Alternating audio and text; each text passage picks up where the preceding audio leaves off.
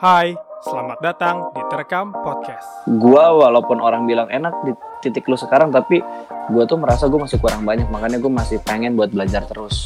Gue lebih ada pride-nya kalau diakuin sama komunitas daripada gue yang meng- mengklaim hal, hal itu dan memaksa komunitas buat ngakuin hal itu gitu. Banyak cerita menarik yang telah dibagikan.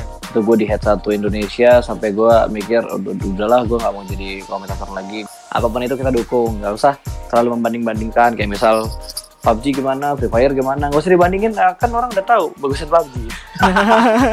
Dan semua telah terekam. kembali lagi di Terekam Podcast. Kita udah di bagian Terekam Talks eh, episode ke-8. Kali ini sudah kedatangan award winning caster 2020 yaitu Bro Pasta. Halo semua. Halo Nggak Bang. semua sih ya, orang cuma berdua doang anjir. Nggak Iya. semuanya ini berarti.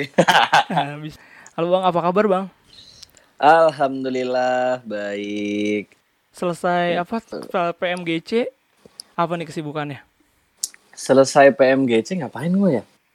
Yang jelas selesai PMGC itu kalau nggak salah eh, ada foto-foto bareng kru, Iya sih pasti. terus terus habis itu makan-makan bareng kru juga kayak after party habis event gitu kan. Hmm, Terus habis itu pulang ke rumah, mandi, tidur, bangun bangun-bangun, sepi.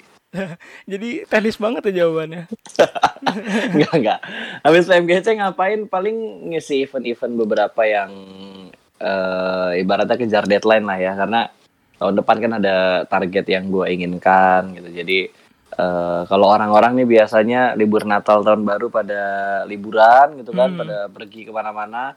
Gue mendingan ngambil-ngambilin job aja lah, mumpung masih ada yang percaya percaya sama gue buat ada di, di eventnya gitu. Belum ngerasain aja ada gue event hancur gitu. Jadi mumpung masih ada yang percaya, jadi gue ambil-ambilin aja job-jobnya. Nah kalau boleh tahu targetnya apa tuh Bang di 2021?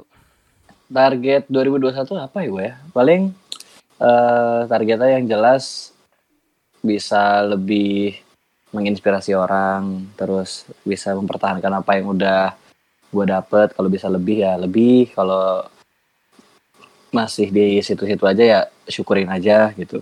Iya sih, yang penting coba aja dulu ya bang, gas aja terus gitu ya, mumpung Betul. lagi di atas gitu. Amin. Di atas enggak lah, di atas masih banyak yang lebih di atas. Komentator teratas sekarang masih jebret kalau kita ngomongin komentator. Iya sih, cuman kalau lebih spesifik di e-sport ya lu lah, maksudnya di tier-tier atasnya gitu. Kan gue cuma sekarang lagi sering ini cast PUBG Mobile. Kalau caster yang udah tier atas mah di PUBG Mobile ada, Mobile Legend ada, Free Fire ada gitu. Semuanya harus ada. Oh gitu ya, ya? maksudnya biasa bukan satu spesifik satu game gitu. eh biasanya sih dibilangnya kayak gitu spesifik. Tapi kalau menurut gue pribadi secara subjektif gitu, kalau lo kalau lo bisa dibilang eh, kalau lo mau dibilang nomor satu, ya lo setidaknya nguasain lebih dari tiga game atau empat game kayak gitu. Jadi eh, orang tuh ngelihat lo nggak hanya di game itu aja gitu. Kalau lo cuma di game eh, di gamenya itu itu aja kan orang nggak banyak tahu nih komunitas di game lain nggak tahu lo. Tapi kalau lo pernah misal lu eh, Dota, CS:GO, terus di mobile lu nge-cash Mobile Legend, Free Fire, PUBG dan segala macamnya otomatis kan orang notice, oh ini caster nggak hanya nge-cash game PC tapi game mobile juga atau sebaliknya kayak gitu. Mm-mm. Lebih terekspos lah, lebih terekspos lah. Iya sih, jadi lebih banyak orang yang tahu gitu ya. Jujur sih gue juga kayak gue kan lebih ke PUBG Mobile gitu ya, bang kalau main games. Ya gue taunya orang-orang yang di ada di ada di PUBG Mobile aja. Jadi kayak caster PUBG Mobile taunya kayak playernya PUBG Mobile kayak game di luar PUBG Mobile sih gue kayak kurang tahu gitu. Gitu sih ya bang. Jadi intinya kalau misalnya caster yang di top tier itu kayak banyak orang yang tahu gitu ya bang.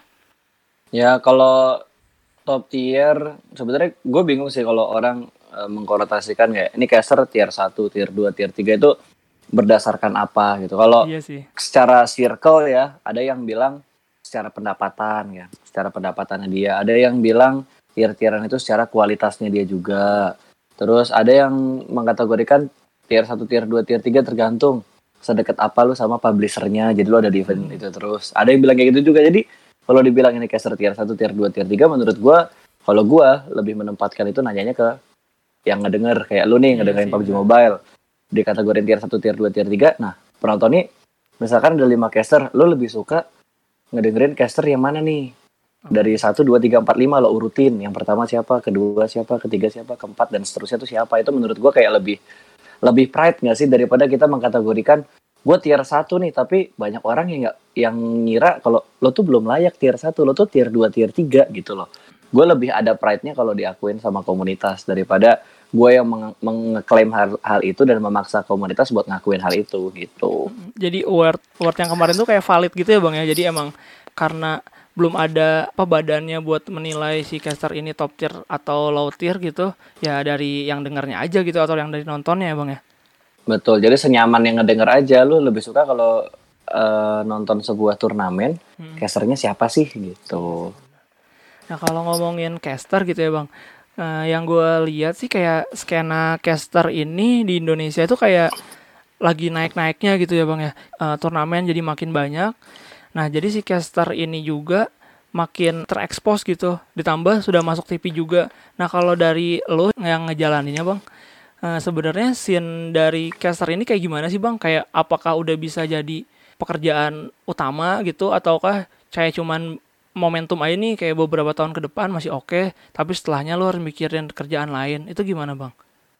eh kalau gua sih lebih ngelihat kesempatan. Kalau gua ya, kalau gua tuh lebih ngelihat kesempatan. Kayak misal nih, dulu gua nge-cash gamenya Dota. Terus tiba-tiba Dota di Indonesia kompetitifnya nggak nggak nggak berjalan banget gitu. Ibaratnya kalau dulu sebulan bisa ada lima turnamen Dota, sekarang sebulan ada satu aja udah bersyukur gitu. Ada dua aja udah bersyukur banget. Makanya begitu gue dapat kesempatan untuk belajar jadi komentator buat game-game mobile, gue pelajarin hal itu. Kalau lo tanya menjanjikan atau enggak, itu balik lagi ke orangnya.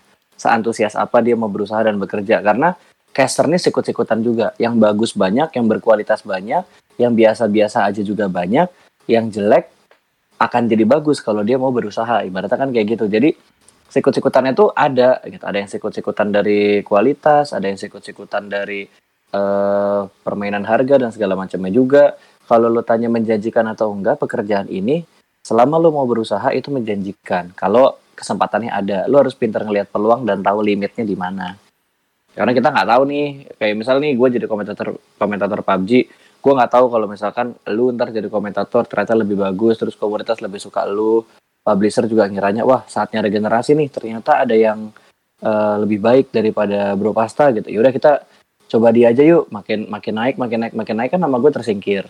Jadi yang gue lakukan ya gimana caranya gue makin dekat sama komunitas, eh, meningkatkan kualitas gue nge-cash, entah dari hype momennya, entah dari jokes-jokes yang gue pakai, pembahasan materi waktu di in-game itu yang gue kembangin.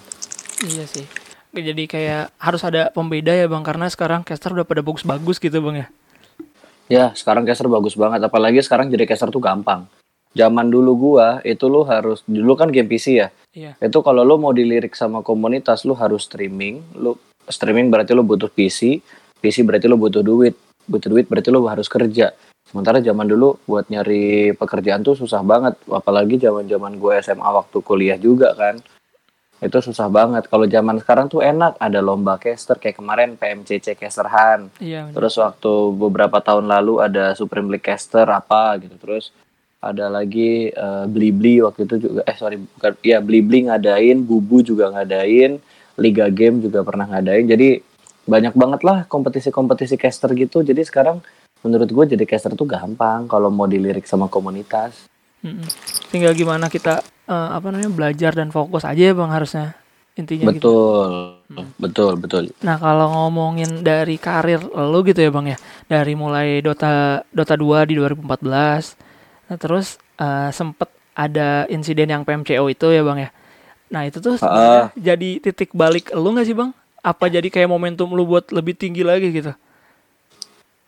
eh yang momen yang mana nih? Yang PMCO yang tiba-tiba ganti Papulung. Eh, Oh. Bolong. Iya. Dislike lu banyak lu ya. Iya. Gue gue salah satu yang Ya, nonton kalau- live sih itu bang. Apa lo jangan-jangan salah satu yang nggak dislike lagi? Enggak lah, gue no no hashtag no pasta ya. no party lagi. Kalau kalau itu sih insiden jujur gua nggak ngebuat-buat gitu. Jadi eh, bentuk bercandaan, Hmm. kelewatan, terus respon dari komunitas yang tahu akan bercandaan gua itu welcome, tapi orang-orang baru tuh nggak welcome gitu. Dan waktu itu kan kalau nggak salah juga videonya terpotong nggak semuanya jadi yang ke expose hanya bagian jeleknya aja terus eh, ternyata eh, di post di Lambe Turah kan waktu itu Iya. Itu gue di head satu Indonesia sampai gue mikir "Udah- udahlah gue nggak mau jadi komentator lagi gue nggak mau jadi orang depan layar lagi gue mau jadi kru belakang layar aja untuk di industri e-sport gitu. Gue sempat kepikiran kayak gitu tapi eh, hati kecil gue masih pengen gitu buat ngecast akhirnya ada gue bikin klarifikasi terus eh, gue nunjukin eh, gue itu siapa dan gue itu orang yang seperti apa gue tunjukin juga di sosial media gue dan imbasnya sampai sekarang adalah gue lebih hati-hati dalam berkata-kata gitu. Le- eh, lebih berhati-hati dalam bercanda. Mungkin orang yang dulu mengenal gue bercanda dengan kalimat-kalimat toksik eh, entah itu kebun binatang lah kotoran lah dan segala macem lainnya sekarang gue udah mulai ngontrol hal itu gitu. Tidak sering gue ucapkan. Bahkan kalau bisa dibilang eh 90% kayaknya udah jarang gue ucapin kalimat-kalimat yang benar-benar kasar ketika gue lagi on air jadi caster tapi kalau di luar itu gue bercanda sama teman-teman ya ceplos-ceplos aja Mm. Jadi kalau di depan layar sih tetap jadi kayak agak dijaga gitu ya bang ya. betul profesional karena kan nge kalau kita ngecaster ya jadi komentator lu tanggung jawabnya banyak tanggung jawab buat diri lu sendiri itu pasti terus tanggung jawab juga eh, ke brand ke turnamennya ke sponsor dan segala macam jadi harus lebih pandai lah untuk kita ngatur apa yang nanti kita ucapin Iya. Jadi setelah itu langsung se apa namanya? Bro Pasta sama Flow Wolfie itu jadi kayak yang ditunggu-tunggu sih di PUBG Mobile, Bang. Karena kan momentumnya ya waktu itu habis sebulan PMCO di Cina ya.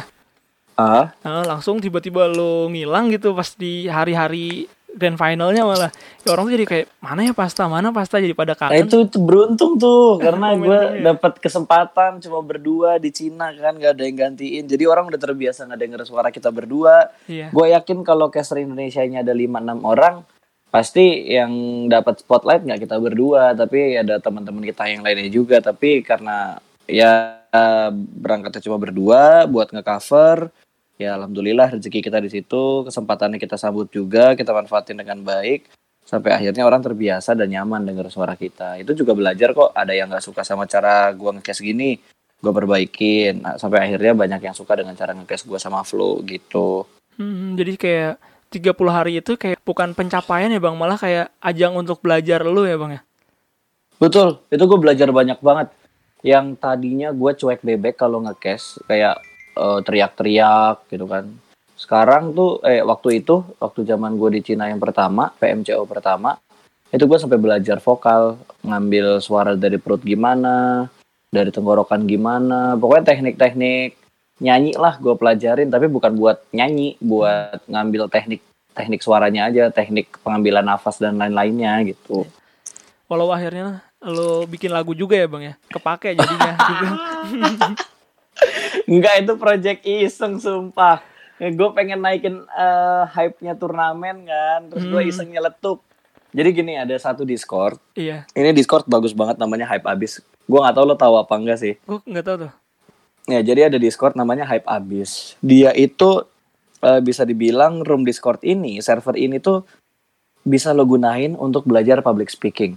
Oh. Ada yang ngajarin di situ dan setahu gua waktu itu gratis, tapi sekarang kayaknya ada biaya sekitar 10 sampai 50 ribu lah dan menurut gua itu Word gitu. murah. Mm. Itu itu worth it banget buat lu belajar public speaking, terus lu eh, mau belajar jadi host, lu mau belajar jadi penyiar radio dan segala macam di situ tuh ada ada practice roomnya. Jadi ada yang ngajarin, ada yang ada yang sharing juga. Terus lu praktekkan di situ dan ada tugas-tugas yang mereka kasih untuk pertemuan-pertemuan berikutnya gitu. Jadi menurut gua worth it banget dengan lu keluar duit kisaran 10 sampai 50 ribu dengan eh, hal yang lu dapat seperti itu menurut gue worth it banget. Menurut gua karena gue juga banyak belajar di sana. Gue tuh di sana gue belajar gue jadi eh, speaker juga di sana. Jadi eh, win-win solution lah. Gue bisa sharing ilmu dan gue juga dapat ilmu. Makanya gua walaupun orang bilang enak di titik lu sekarang tapi gue tuh merasa gue masih kurang banyak. Makanya gue masih pengen buat belajar terus Hmm. Gue juga tertarik sih bang buat join ke Discordnya karena kan gue juga jujur ya bikin podcast ini tuh kayak mulai aja dulu gitu gimana Oh, itu brand ya? sih Itu brand di podcast ini ya? Mulai aja dulu gitu. Berarti Tokopedia udah nggak sponsorin podcast ini nih. kagak kagak bang sumpah deh nggak karena itu udah ada di udah di mindset gue aja gitu bang kagak kagak kagak ada tokopedia tokopediaan set gitu Eh amin, kali aja Amin. Tokopedia nge-sponsorin, lumayan. bener sih amin karena ya gitu gue jujur sih belum kelihatan sampai ke situ bang jujur cuman yang yang gue dapet sih kayak kon apa eh, koneksi aja gitu jadi lebih banyak kenal banyak orang sih gitu kalau dari podcast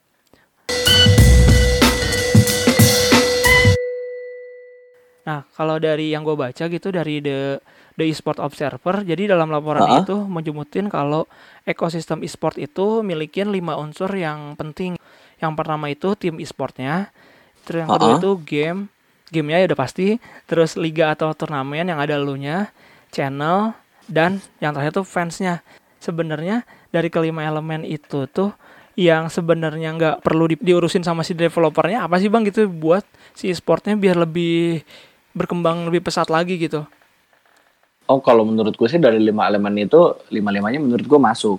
Hmm. Harus dipikirin sama developer atau publisher gamenya gitu karena lu bikin game kalau game itu nggak bersifat kompetitif game lu nggak bakal lama mainnya. Contoh kayak lu ngelihat game-game yang story gitu. Kalau udah tamat kelar ya udah orang nggak ma- nggak mau mainin lagi kecuali lu bikin cerita-cerita lainnya, part-part lainnya kayak misal di part berapa ada option milih A, B, C. Kalau lo milih C nanti alur ceritanya begini, endingnya begini. Kalau B kayak gini, kalau A kayak kayak gimana gitu. Pokoknya itu yang basicnya kalau misalkan lu jala atau mainin game bertema story atau bercerita gitu, ada alurnya.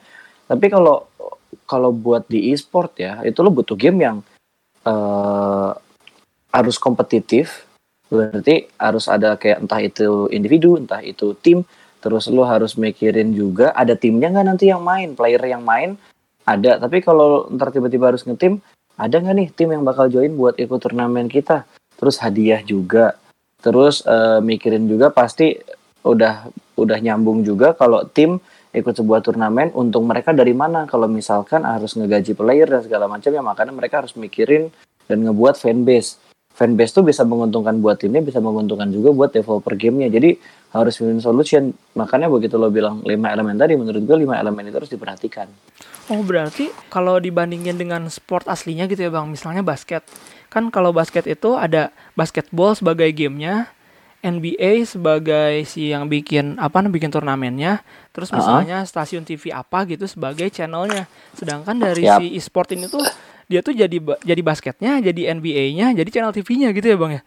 Betul, jadi di sport itu menurut gua lu harus ada eh, aspek-aspek yang lo bilang tadi atau variabel-variabel yang lo bilang tadi gitu.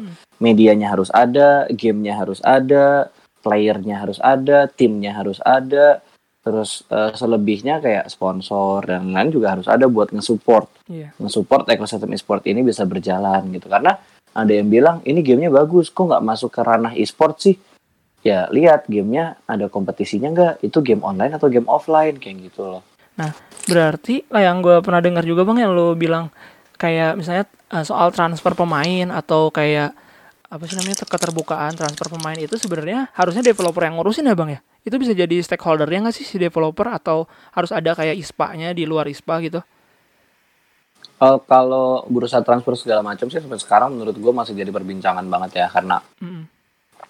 eh, kita udah butuh belum sih untuk ngelakuin bursa transfer yang secara transparan biaya transfernya berapa digaji berapa dan lain-lainnya itu masih jadi perbincangan juga. Kalaupun gue menjawab itu paling hanya untuk eh, pendapat gue aja dari Iya pendapat guanya aja. Tapi kalau secara secara mekanisnya nanti kayak gimana peraturannya kayak gimana itu mungkin yang nantinya bakal menjawab lebih ke publisher atau enggak ke eh, organisasi-organisasi yang kita punya. Nih kita punya ISPA kita punya AVGI kita punya apa kemarin PBSI yang baru ya? Iya PBI. apa ya PBI Sport PBS lagi PBI Sport Mhm. dan lain-lainnya juga. Jadi mungkin menurut gue itu yang lebih berwenang. Karena kan sekarang e-sport di Indonesia juga sudah diakui sebagai salah satu cabang olahraga prestasi kan secara Iya. resmi.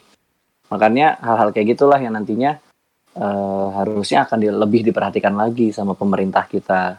Eh, kalau misalnya dibandingin ya bang ya, yang kayak transfer pemain gitu kan apa karena melibatkan uang di situ dengan dibandingin sama yang kasus loops kemarin bang kan itu kalau loops itu diatur sama si publisher ya kenapa transfer nggak sekalian gitu sih Kalau menurut gua ya, loops kemarin kan itu lebih blu- satu hal yang blunder jadi pertanyaan semua orang. Bener gak sih? Kayak Iya. lu udah turnamen, udah nge- nge- ngerebut poin banyak-banyak, ngedapetin duit sekitar kurang lebih kalau gue hitung pendapatan mereka tuh 300 juta kurang lebih ya iya yang didapetin loops untuk di akhir minggu kemarin di PMGC tiba-tiba mereka melakukan hal yang konyol dan gue yakin hal yang mereka lakukan mereka nggak bakal ekspektasi hal itu bakal berdampak sampai mereka akan didiskualifikasi. Iya. Gue yakin banget dan Mm. se- secara tontonan profesional itu nggak profesional. Tapi kalau kita ngelihat dari kacamata persahabatan dalam sebuah tim gue akuin itu keren banget. Tapi kalau kita ngomongin ranah profesionalitas itu menurut gue disayangkan dan dengan punishment dari publisher seperti itu menurut gue ya udah lu udah lu udah mencoreng nama profesionalitas gitu lu udah mencoreng turnamen ini. Jadi itu eh, punishment yang dikasih sama publisher ke pihaknya loops. Ke player-playernya loops dan ke manajemen loopsnya. Tapi kalau lu ngomongin bursa transfer yang harus transparansi dan lain-lainnya itu lebih ke dapur perusahaan dapur ke manajemen tim eh, yang nantinya bakal diobrolin sama tim-tim yang ada di Indonesia buat e-sport sama asosiasi yang ada di Indonesia. Kalau menurut gue itu sih. Oh iya sih. karena gue mau ngejawab bursa transfer pun gue takut salah ngomong. Karena itu kan bukan ranah gue kecuali gue punya tim Iya. gue speak up ah itu baru. Oh, nggak masalah karena gue punya tim gitu.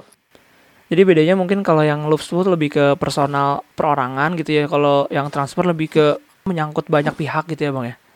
Oh enggak malah malah kalau yang transfer itu lebih ke lebih ke manajemen mereka masing-masing. Karena kan setiap manajemen punya dapurnya masing-masing kan. Mm. terus kalau yang loops tadi menurut gue tuh lebih lebih ke hal yang udah terbuka duluan. Dari yang tiba-tiba satu player mereka di kick di tengah pertandingan eh di tengah-tengah turnamen di awal turnamen. Terus eh, tiba-tiba mereka melakukan eh, ibaratnya kayak mau gue kerja kali ya. Kalau kita ngomongin Oh, kerja ya Iya bener kan? Mau gue Bener. kerja mereka nggak mau main di match terakhir cuma masuk diem doang nggak main sama sekali. Yang main cuma satu orang doang. Jadi menurut gua kalau kena punishment kayak gitu ya salah mereka sendiri. Tapi kalau kita ngomongin dari sisi kekeluargaan mereka di tim itu menurut gua itu oke. Itu oke. Itu nunjukin banget kalau mereka solid dan saling support satu sama lain. Tapi untuk segi profesionalitas itu bukan hal yang harus dicontoh sih Iya sih, gue juga setuju dari yang lo omongin di Talk with Bro Pasta itu bang kayak kalaupun eh, si Loops nggak kayak gini, si Aero tetap lolos bang ya. Jadi ngamanin, Betul. ngamanin dulu lebih dulu lah, jadi mengusahakan gitu.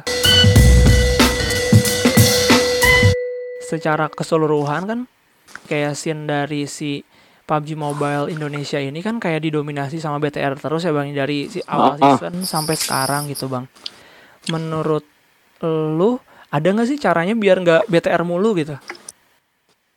caranya biar nggak better terus simpelnya gini kalau mau cara instan ya Iya. cara instan harus ada satu orang yang mau spend duit dia buat ngebentuk tim e-sport dan ngambil playernya BTR Satu harus aja dipecah gitu ya? Lu mau ambil Zuxi mau ambil Luxi atau Ryzen atau Microboy lu ambil satu aja di antara empat orang ini.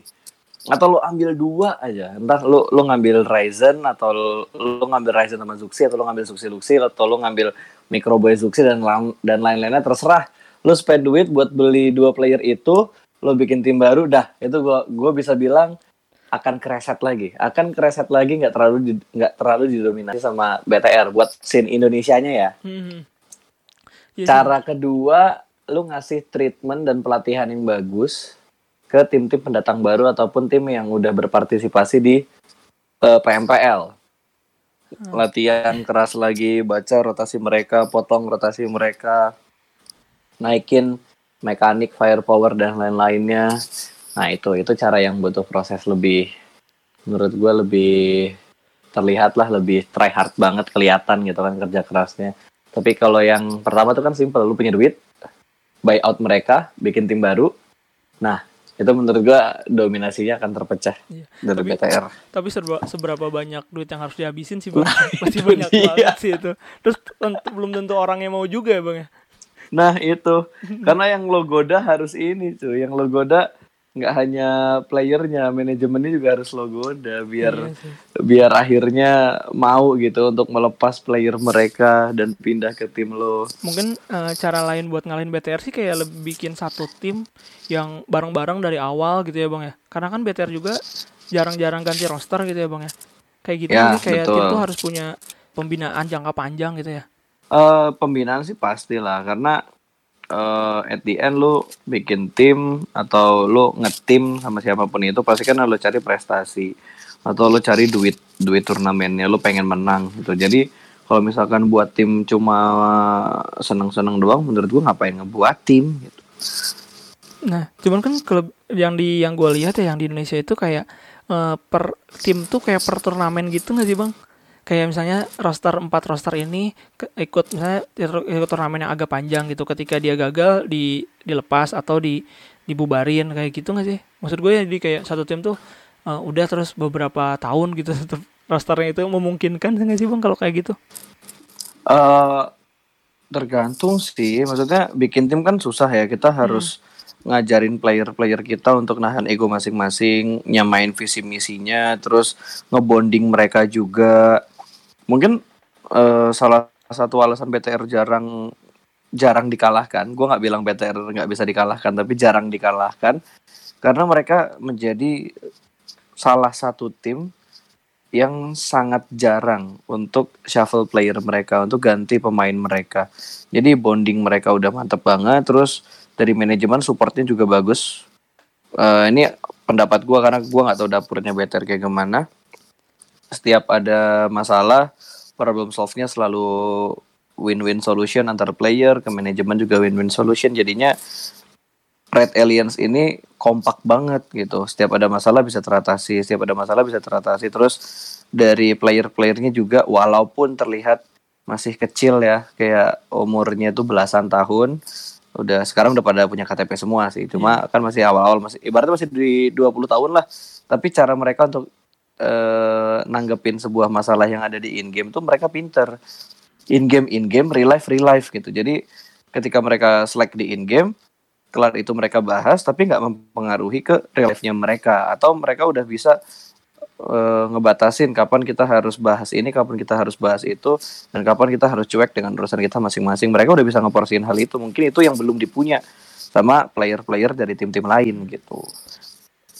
Mungkin definisi pro pro itu kayak mereka gitu ya bang ya. Ya, karena gue sering bilang kan, gue sering bilang di podcast gue juga gue sering bilang Iya. pro itu ada dua jenis. Profesional untuk lo ke kontrak, untuk jalanin hak dan kewajiban, Hmm. sama pro ketika lo diakui sebagai player yang jago. Oh iya. Itu ada dua jenis. Dan kalau lo mau jadi pro player, kalau lo mau menjadi eh, seorang atlet e-sport atau atlet sport, lo harus menjalankan dua-duanya. Lo harus jago dalam permainan itu, dan lo juga harus profesional untuk melihat kontrak eh, hak dan kewajibannya. Iya sih bener nggak nggak cuman kayak main doang gitu ya bang ya. Nah kalau balik lagi Betul. ke BTR kan eh, sekarang tuh lagi kayak apa namanya eh, santer gitu. Cowboy abis PMGC bakal pensi gitu ya bang ya. Cuman ini masih rumor nggak tahu bener apa enggak gitu ya. Nah kalau menurut lo kalau misalnya BTR eh BTR Cowboy pensi yang cocok buat gantiin Cowboy siapa bang? Selain Liquid ya? Eh, yang cocok buat gantiin Cowboy siapa ya? Tipenya sama gitu. Tapi kalau misalnya nggak nggak mau jawab juga Nggak bisa sih. Menurut gue Mikrobo itu udah Mikrobo itu udah orang yang lengkap banget. Misal ya kita ngomongin Zuxi Luxi, Ryzen misal ini misal dia tiga orang yang temperamen. Iya. Mikrobo ini jadi airnya gitu. Ini ada tiga api, Mikrobo jadi airnya. Dia yang nenangin kondisinya nanti dengan dengan eh, bercandaannya dia, dengan celotehannya dia, atau dengan cara dia bersikap. Itu ngebuat yang tadi mau marah tuh jadi ah jadi ketawa aja deh. Jadi gitu loh. Maksud gue ini tim yang udah udah komplit, yang ngototnya ada, yang nenangin ada, yang bisa ngotot bisa nenangin juga ada dan mereka dapetin support dari manajemen juga begitu baik. Jadi menurut gua ini tim udah komplit banget. Gua ngelihat tim Indonesia yang bener-bener ngedeketin BTR banget tuh belum ada mau tapi yang udah mulai step up ke arah sana ada beberapa tim yang udah mulai kayak gitu tapi hal itu nggak mereka lakukan secara continue kayak cuma at the moment doang. Wah at the moment bisa ngedeketin BTR nih habis itu ngedrop lagi gitu. Hmm, dan step upnya lagi susah. Iya sih karena ya itu tadi benar kata lo kayak udah saling melengkapi gitu sih. Kalau misalnya nih ada satu konten kreator PUBG gitu ya bang yang lu pengen lihat jadi pro player siapa bang? Selain bang Pen. Bang pen banget.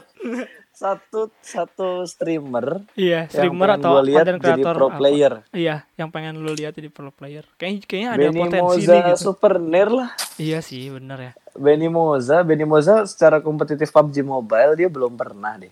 Pernah mungkin tapi ikutnya turnamen-turnamen komunitas gitu. Gue belum ngelihat eh mereka semua itu sorry Benny gue belum ngeliat Benny ikut turnamen officialnya PUBG iya Super Nair gue juga belum ngeliat dia di officialnya PUBG Mobile. Kalau PUBG PC kita udah pernah lihat Super Nair lah zaman dulu.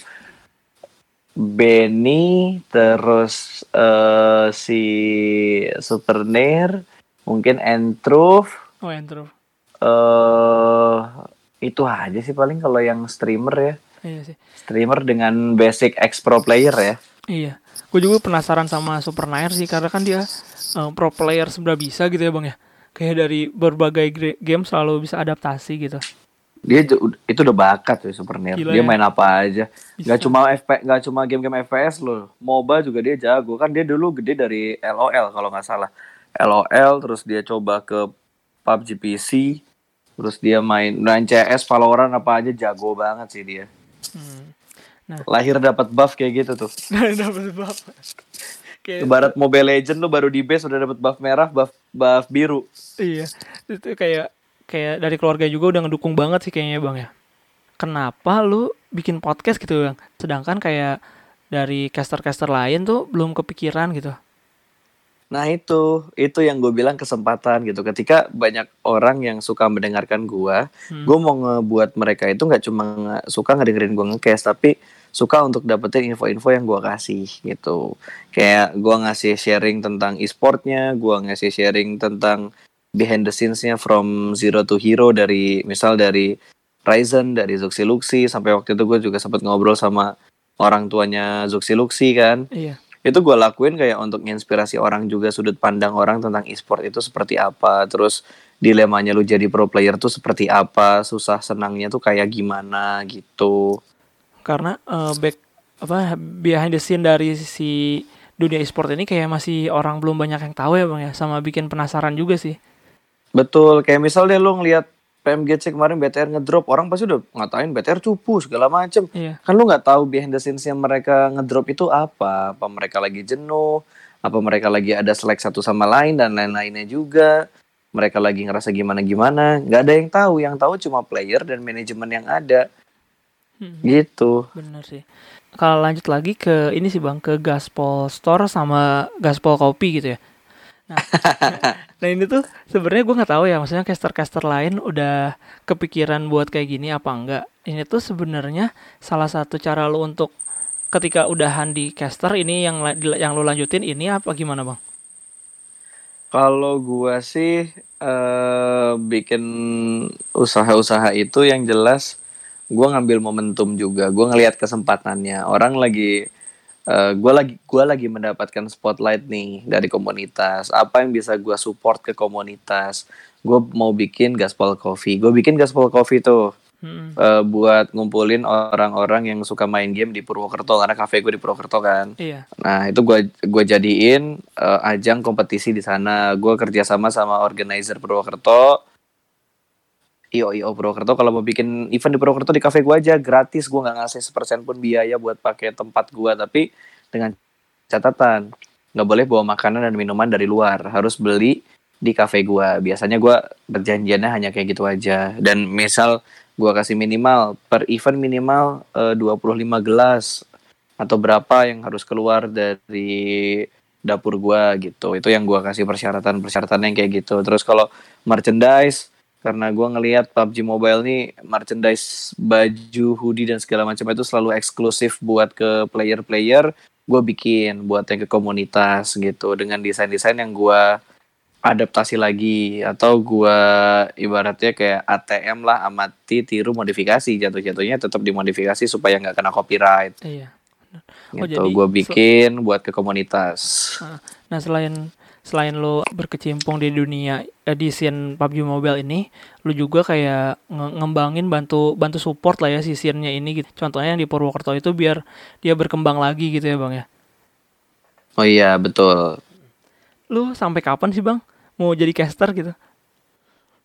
Nah itu banyak banget yang nanya men Baik banget yang nanya kayak Lu mau, mau lu, lu mau jadi caster sampai kapan pas Gue jawabnya ya simple aja Sampai orang bosan ngedengar suara gue Iya. Kalau orang udah bodoh amat sama gue Orang udah nggak peduli lagi sama gue Siapa pun casternya Orang udah welcome-welcome Gak ada yang nyariin gue ya ya udah itu saatnya gue berhenti. Dan gue berhenti pun mempersiapkan sesuatu. Kayak misal yang tadi gaspol coffee gaspol store yang buat merchandise top up UC diamond dan lain-lainnya. Atau eh, next yang bakal gue bikin tuh gaspol chicken yang udah gue sounding tapi akhirnya kepending gara-gara covid ini kan buat launchingnya. Iya. jadi gue mikirin tuh side business side bisnisnya tuh apa aja nanti yang bakal gue lakukan. Karena eh, gue ada planning buat merit dan segala macamnya. Terus caster atau talent di e-sport kan masuknya entertain. Iya. terus kita nggak tahu sampai kapan kita disukai orang lain ya jalan satu-satunya atau yang ada di pikiran gue saat ini ya gue bikin bisnis untuk ngeyakinin orang yang gue pengen nikahin terus buat ngeyakinin juga orang tua dan segala macamnya. Jadi itu yang udah gue pikirin Oh, jadi mungkin kalau pun lu udah udah jadi caster, udahan jadi caster gitu, kayak mungkin jadi kayak di balik layar dulu gitu kali ya, Bang ya. Ya itu juga bisa entah itu masuk di kreatifnya atau masuk di mananya gitu. Nah, kita ngomongin sedikit tentang Dubai sih, Bang.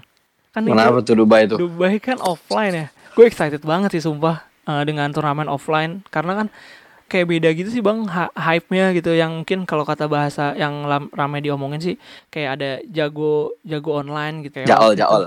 Iya jaol gitu. Nah itu gimana bang? Se- apakah si PMGC ini jadi salah satu momentum buat di Indonesia juga bikin turnamen offline yang skala nasional gitu bang? Eh, kalau lu ngomongin turnamen ya, gue Hmm. jamin deh semua tim, semua player, semua pengisi acara pasti pengennya eventnya tuh offline karena lu bisa ngelihat nih tim yang bener-bener punya mental tuh yang mana. Balik lagi yang lo ngomongin tadi, jagoan online tuh juga ya ada orang yang punya mental tuh online karena ketika lo di stage itu beda banget.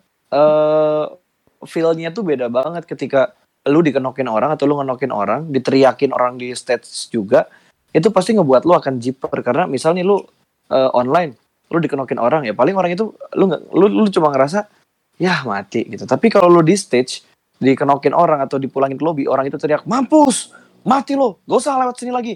Itu itu bisa ada dua op, ada dua hal yang mungkin dirasain antara lu terpicu semangatnya atau lu jadi ngedown gara-gara diteriakin. Jadi menurut gua untuk kelas PMGC emang harusnya dilaksanakan secara offline.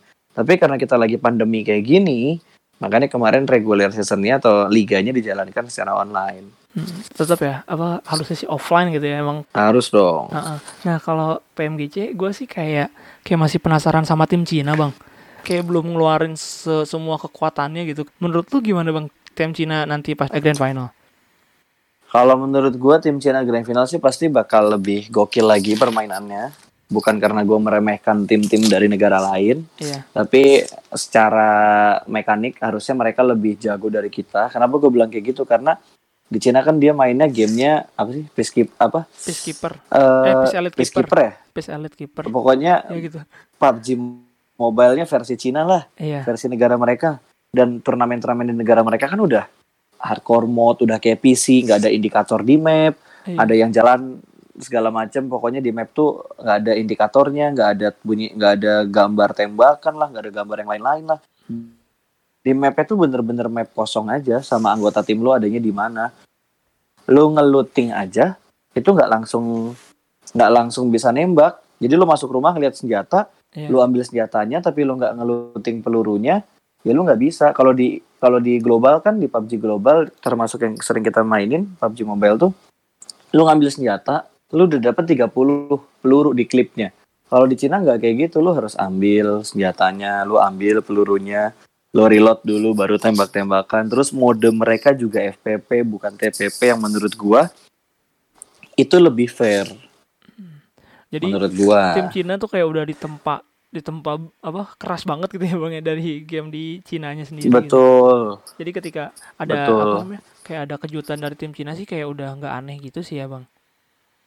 Ya, nggak aneh banget. Hmm. Paling yang digosipin sama komunitas kan, Iya. ini kenapa tim Cina dapat zona terus, tim kita nggak ada yang dapat zona.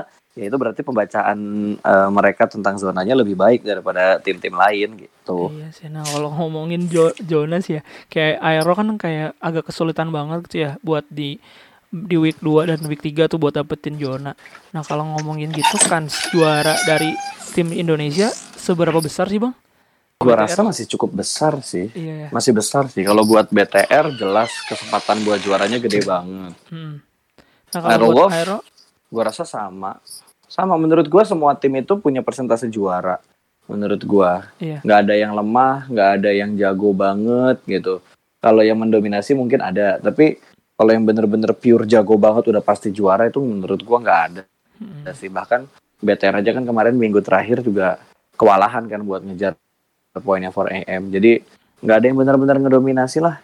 Mau sejago apa pun lu kalau dikepung sama tiga tim, gua rasa lu bakal pulang ke lobby juga. Iya benar. Nah kalau gitu jadinya lu berangkat nggak nih bang? Berangkatnya gua ya? Kayaknya enggak deh. Kayaknya enggak deh, Caster. Oh ini jawaban serius nih. Setahu gua enggak deh. Serius, serius. Gua, gua serius nih. Kalau harapan sih pasti berangkat. Iya sih kayak ke Cina Berangkat gitu ya bang. pasti. ya? Berangkat. Ya kayak ke Cina gitu. Itu pasti berangkat. Tapi tergantung juga sih itu. Lu ke Dubai men. Dubai itu gua ngeliat di mata gua tuh Dubai negara orang-orang tajir tuh lo yang Iya. tiba-tiba mereka bisa melihara harimau lah, singa lah. gua nggak kebayang aja ke sana harus nombok berapa dulu dan nggak tahu kan rate-nya tuh di angka berapa apakah sama kayak kita nge-cash online dari studio Indo atau ada perbedaan gitu. Iya. Tapi kalau disuruh milih di tengah pandemi kayak gini, lu diberangkatin ke Dubai atau gimana gimana buat nge-cash di Dubai, gue lebih pilih buat nge-cash online. Kalau gue pribadi, kalau flow gue nggak tahu. Kalau di tengah pandemi kayak gini, karena yang gue pikirin lebih ke keluarga di rumah sih. Jangan sampai ngebuat khawatir dan dan lain-lain yang khawatir-khawatir berlebih. Apalagi kan orang tua udah pada tua juga kan, ya namanya orang tua ya. Jadi Iya. udah pada tua gitu. Jadi kalau dibikin khawatir berlebihan kan, takutnya gimana-gimana. Iya kita sih benar. Nah mungkin gitu aja bang. Sebelum udahan nih ada yang mau disampaikan gak bang tentang apa gitu dari dari lu yang terbaru? Yang terbaru apa ya yang mau gue bikin Itu yang mau chicken, gue gaspol chicken. oh gaspol chicken gue udah sounding lama gue udah gue udah sounding lama kalau gaspol chicken paling eh tetap dukung perkembangan komunitas e-sport Indonesia lah. Eh, entah apa pun gamenya lu suka nonton PUBG lu suka nonton Dota Mobile Legend Free Fire apa pun itu kita dukung. Nggak usah terlalu membanding-bandingkan. Kayak misal PUBG gimana Free Fire gimana. Nggak usah dibandingin kan orang udah tahu bagusan PUBG